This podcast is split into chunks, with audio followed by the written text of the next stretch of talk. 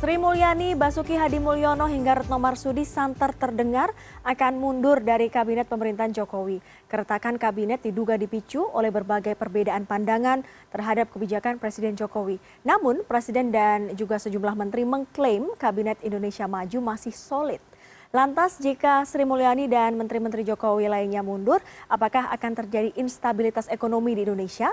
Seberapa krusial peran dari Sri Mulyani dalam menjaga fiskal negara dan untuk membahasnya sudah bergabung melalui sambungan virtual ada Direktur Center of Economic and Law Studies Mas Bima Yudhistira. Halo selamat pagi Mas Bima apa kabar? Selamat pagi. Ya.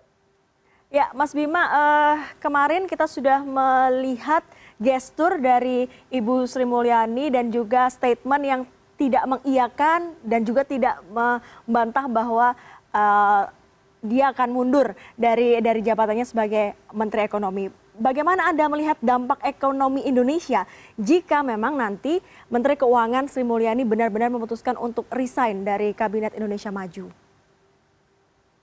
Ya, yang jelas memang situasi saat ini ini adalah situasi yang cukup krusial. Jadi sebelum adanya desas-desus ataupun isu Sri Mulyani dan beberapa menteri ingin mundur, kita melihat memang selama lima tahun sekali setiap kali pemilu investasi asing terutama investasi langsung itu selalu rendah tumbuhnya. Nah ini ditambah dengan adanya kekhawatiran menteri-menteri yang berasal dari teknokrat yang menguasai bidang ekonomi seperti Ibu Sri Mulyani itu meninggalkan kabinet, tentu ini adalah guncangan yang tidak kecil bagi pemerintahan Jokowi dan bagi kestabilan ekonomi. Jadi kita bicara hari ini saja, ini isunya belum mereda, itu sudah membuat uh, rupiah mengalami koreksi 4% terhadap dolar dalam satu tahun terakhir.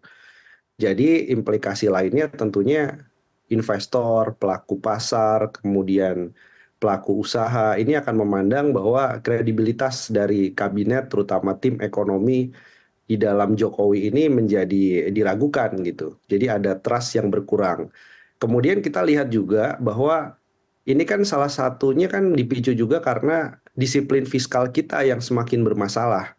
Karena ada perdebatan antara bansos misalnya, kenapa ditambah secara mendadak, ada tambahan anggaran yang diperlukan. Dan itu sebenarnya sangat-sangat tidak uh, rasional kalau bansos ini ditambah dan waktunya momentumnya berdekatan dengan pemilu misalnya. Ini kan menjadi salah satu concern juga kalau ada menteri keuangan yang kemudian membenarkan cara-cara penambahan bansos, nah tentunya mungkin di dalam uh, internal terjadi pergolakan ya, ada yang tidak setuju juga. Kemudian juga uh, market ataupun investor juga mencermati siapa lagi nih menteri yang bisa bekerja dengan fokus di tengah situasi pemilu seperti sekarang, situasi kampanye seperti sekarang. Menteri Koordinator Bidang Perekonomian menjabat sebagai ketum partai. Ada Menteri Perdagangan juga begitu, lebih sibuk untuk melakukan kampanye. Menteri Investasi juga sama.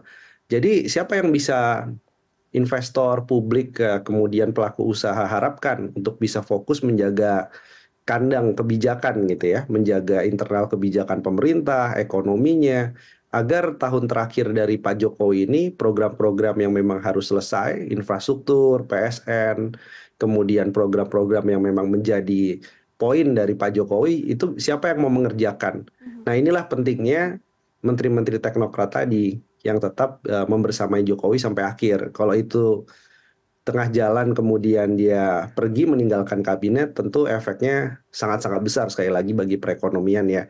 Dan mencari penggantinya pun juga di waktu injury time saya kira nggak mudah. Jadi siapa sekarang pertanyaannya yang uh, punya kaliber seperti Ibu Sri Mulyani? Dari internal Kemenkyu siapa? Dari akademisi di luar siapa yang bisa menggantikan dalam posisi injury time begini? Itu juga jadi pertanyaan. Kalau sampai tidak ada yang bisa menggantikan kapasitasnya saya kira implikasi lainnya surat utang kita resikonya naik dan bahkan bisa berimbas kepada bunga yang semakin mahal, trust menurun, pasar modal juga akan terkoreksi. Jadi implikasinya saya kira sangat serius.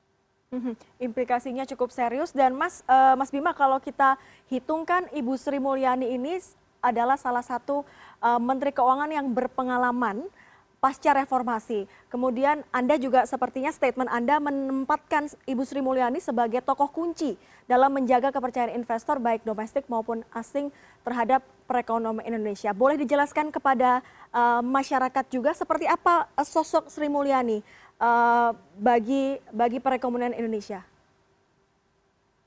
Iya, secara objektif ya. Jadi ini saya kesampingkan beberapa hal yang memang terjadi perbedaan yang cukup uh, mendasar kadang-kadang dengan Ibu Sri Mulyani. Itu kan hal yang biasa ya. Mm -hmm. Ada beberapa ekonom yang berseberangan mengkritik kebijakan Ibu Sri Mulyani. Tapi ada satu hal yang kita lihat secara objektif tidak bisa gampang digantikan oleh sosok Ibu Sri Mulyani. Satu pergaulan internasional, networking yang cukup luas.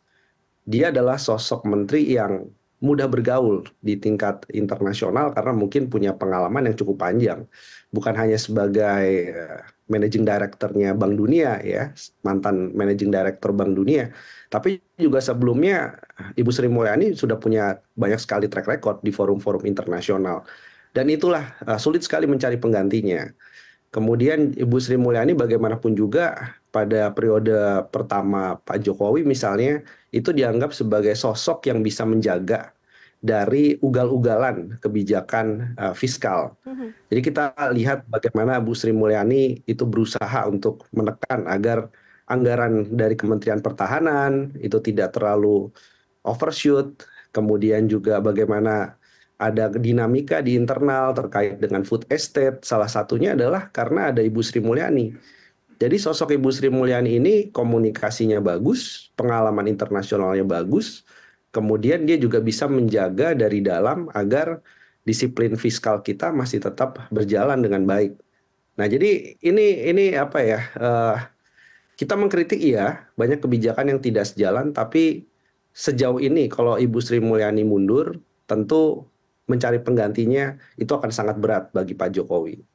Dan uh, apa pun siapa pun yang akan menggantikan Ibu Sri Mulyani, andaikan dia mundur, dia harus mengerjakan banyak sekali pekerjaan dalam waktu yang sangat singkat, harus belajar banyak hal, dan tentunya ini tadi uh, siapa yang akan di, dipercaya oleh para investor, oleh para pelaku usaha. Dan uh, ingat bahwa banyak sekali kebijakan-kebijakan Ibu Sri Mulyani ini yang sampai hari ini bisa meyakinkan bahwa Indonesia masih jadi tempat yang menarik untuk berinvestasi. Indonesia masih jadi tempat yang menarik uh, bagi investor untuk misalnya membeli surat utang. Hmm. Dan ada banyak sekali kreativitas kebijakan yang diciptakan oleh internal Kementerian Keuangan itu karena support dari Ibu Sri Mulyani. Jadi ini saya kira kalau sampai mundur pukulan yang sangat uh, dahsyat ya bagi Kementerian Keuangan dan ini bisa juga membuat 50% ibaratnya kredibilitas kabinet Jokowi hilang. Mm-hmm. Jadi menteri seperti Bu Sri Mulyani, Bu Retno ini memegang kunci yang paling penting kalau Pak Jokowi ingin bertahan sampai Oktober 2024. Nah, Mas uh, Bima, memang uh, begitu uh, begitu luar biasa uh, posisi Bu Sri Mulyani dalam dalam tugasnya sebagai Menteri Keuangan. Tapi misalnya kita berandai-andai ya Mas ya, berandai-andai akhirnya Bu Sri Mulyani ini resign begitu.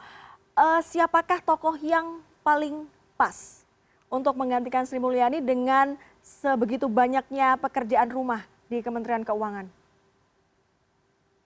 Iya, yang punya pengalaman menjadi Menteri Keuangan di injury time kan uh, Mas Dede ya, atau Khatib Basri. Ya. Jadi pernah menggantikan Bu Sri Mulyani juga pada waktu akhir-akhir masa SBY kalau tidak salah. Jadi mungkin butuh sosok seperti itu. Eh, Pak Khatib Basri juga punya pengalaman saya kira di bidang internasional yang cukup luas juga dan terbiasalah melakukan investor relations dengan pelaku usaha maupun investor. Kemudian ya mungkin dari internal siapa? Ada Pak Suhasil Nazara, tapi saya pikir ya dari dari internal juga nggak nggak selalu mudah gitu untuk meneruskan estafet dari Bu Sri Mulyani. Jadi nama-nama yang tersedia pun juga eh, nama-nama yang sangat sedikit ya, tidak terlalu banyak. Tapi yang jelas kalau sampai digantikan oleh politisi, apalagi ketum parpol, ya itu ya sama saja uh, Menteri Keuangan kosong gitu ya, tidak ada yang menggantikan sama sekali. Jadi saya pikir saya saya lihat di internal Kemenkyu banyak yang potensial, tapi ini masalahnya adalah injury time dengan beban yang sangat besar. Pertaruhannya adalah APBN dan kepercayaan publik juga, termasuk dengan kebijakan pajaknya, hmm. dengan kebijakan belanja negaranya, utangnya. Dan ini yang akan jadi uh, PR besar. Jadi kenapa? Karena kalau sosok tertentu kemudian tidak tepat menggantikan Ibu Sri Mulyani di injury time, maka sosok ini akan dianggap sebagai sosok yang gagal sebagai sosok terakhir yang akan mencuci piring banyak kebijakan Pak Jokowi terutama di bidang anggaran. Ya, saya pikir harus uh, sangat hati-hati untuk mencari penggantinya.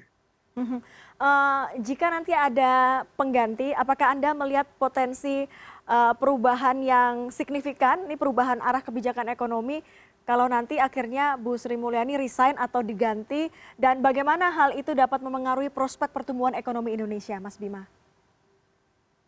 Iya, kelihatannya perubahannya tidak akan radikal ya, tidak akan berubah total, itu hampir mustahil. Jadi anggap saja kalau Bu Sri Mulyaninya mundur misalnya, maka yang akan menggantikan hanya sebagai PLT, hmm. Menteri Keuangan gitu ya, atau pejabat sementara. Jadi tidak mungkin melakukan kebijakan-kebijakan yang terlalu beresiko, apalagi ini di akhir kan.